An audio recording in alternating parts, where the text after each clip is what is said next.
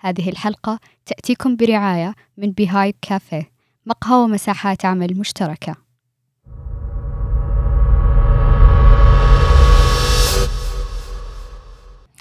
حياكم الله مستمعينا الكرام. في الحلقة الثالثة من تك بار من بودكاست شريحة اللي راح نستعرض فيها أهم الأخبار اللي حدثت الفترة الأخيرة. معكم أنا وجود المحية. حصة الحصيني. الخبر الأول في الفترة الأخيرة أعلنت شركة تويتر أن علامات التوثيق بتختفي من أول شهر أبريل وفي المستقبل بعد وأعلنت بعد أن الطريقة الوحيدة اللي تخليك تحصل عليها هي الدفع مقابل اشتراك Twitter Blue. ومن بداية 15 أبريل الحسابات الموثقة هي الحسابات الوحيدة اللي راح تتمكن من التصويت. والسبب الرئيسي لهالقرار نفس ما قال إيلون ماسك بأنه راح يقدر يضبط ويسيطر الروبوتات اللي تسوي قلب للنتائج. برضو خصص ال For You page للموثقة حساباتهم فقط. اشتراكك في تويتر بلو ما راح يمنحك فقط علامة التوثيق. بخليك بعد قادر تحمل الصور والفيديوهات وتعدل تغريداتك وتزيد من طولها. وغيرها من المميزات وأيضا أعلن عن وجود مميزات لكن لم يتم إطلاقها حتى الآن.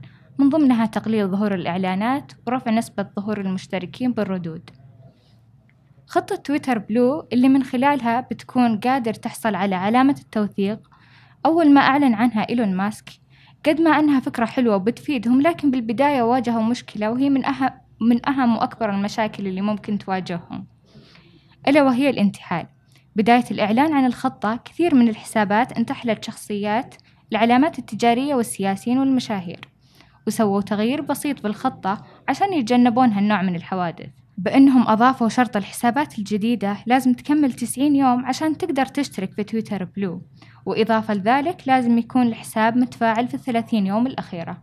وجود هل تتوقعين الفترة الجاية راح تقل عدد الحسابات الموثقة؟ آه طبعا راح تقل آه نظرا للشروط والقيود اللي حطتها تويتر للإشتراك في تويتر بلو.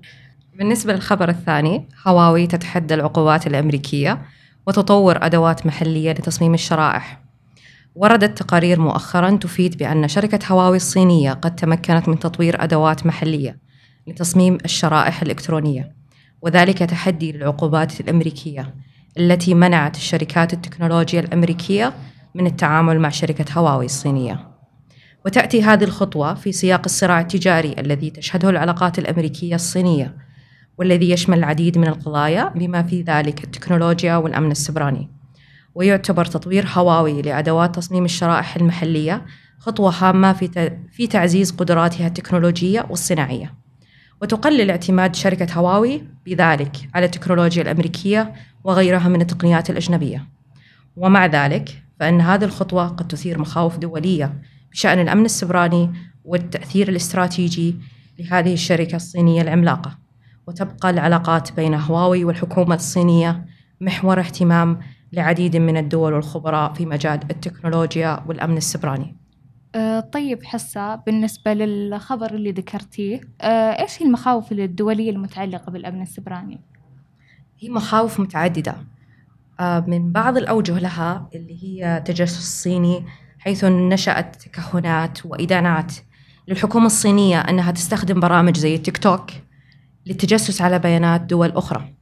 أيضا الأمن السبراني هي آه، المخاوف التي تم درجها أو تم طرحها آه، أنه الشركات الصينية العملاقة زي هواوي تستخدم التجسس الصناعي عن طريق التقنيات والتطبيقات اللي تستخدمها واللي تبثها لدول أخرى حتى تعرف مناطق حساسة في الدول الأخرى. سناب شات تطلق نشاطا تجاريا جديدا لمساعدة تجار التجزئة وذلك باستخدام تقنية الواقع المعزز ال AR أعلنت شركة سناب شات أنها سوف تطلق آه، خاصية جديدة لمساعدة تجار التجزئة في عملية الترويج لمنتجاتهم. من سنوات وحنا قاعدين نجرب الفلاتر حقت سناب شات. نشوف ال lipstick الجديد أو الروج الجديد اللي حاطينه من سيفورا قبعات ملابس من ماركات عالمية. واليوم راح نجرب كيف إنه نجرب الملابس قبل ما نشتريها. طبعا هذه التقنية هي اللي أنتجها واللي طورها Snapchat وهي عن طريق مسماها الكامل للتقنية هذه اسمها AR راح تساعد تجار التجزئة في عملية الترويج لمنتجاتهم من ملابس مجوهرات أثاث وغير ذلك. يعني الآن عندك الإمكانية أن تجرب الشاشة الجديدة في بيتك على طاولتك من دون ما تروح تشوفها في المحل وتقاوس وتستخدم المتر وتشوف ها تناسب ولا ما تناسب.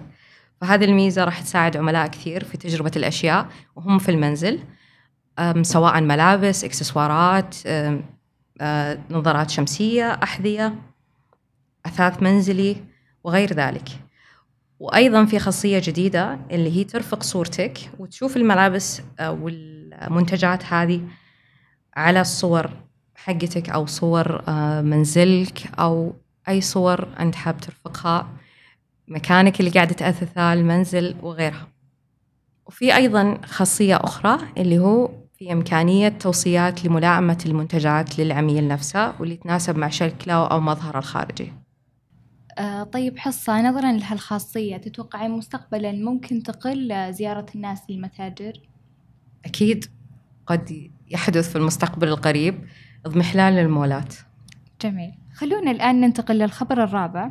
في تاريخ عشرين ثلاثة توقفت خدمة محرك البحث الشهير ChatGPT التابع لشركة OpenAI وأثناء هالتوقف اللي صار تسربت معلومات الدفع الخاصة ببعض المستخدمين بسبب خطأ في مكتبة مفتوحة المصدر اسمها redis-py آه أنشأ هالخطأ مشكلة في التخزين المؤقت. ممكن تكون أظهرت معلومات الدفع مثل الاسم الأول والأخير وتاريخ انتهاء صلاحية البطاقة وآخر أربع أرقام لها لمستخدم آخر. وأيضا يمكن يكون المستخدم الآخر شاف بعض من محادثات المستخدمين الآخرين. هذه مو أول مشكلة تسببها مشكلات التخزين المؤقت. في عام 2015 ظهر لبعض مستخدمين منصة ستيم معلومات خاصة تتعلق بمستخدمين آخرين. وفي نهاية هذه الحلقة مستمعينا الكرام كان معكم في البحث عبد العزيز السنان حاتم الحميد وإعداد المحتوى فاطمة عبد الله الشيخ محمد الماضي محمد الأدغم والإعداد الصوتي حمد البقعي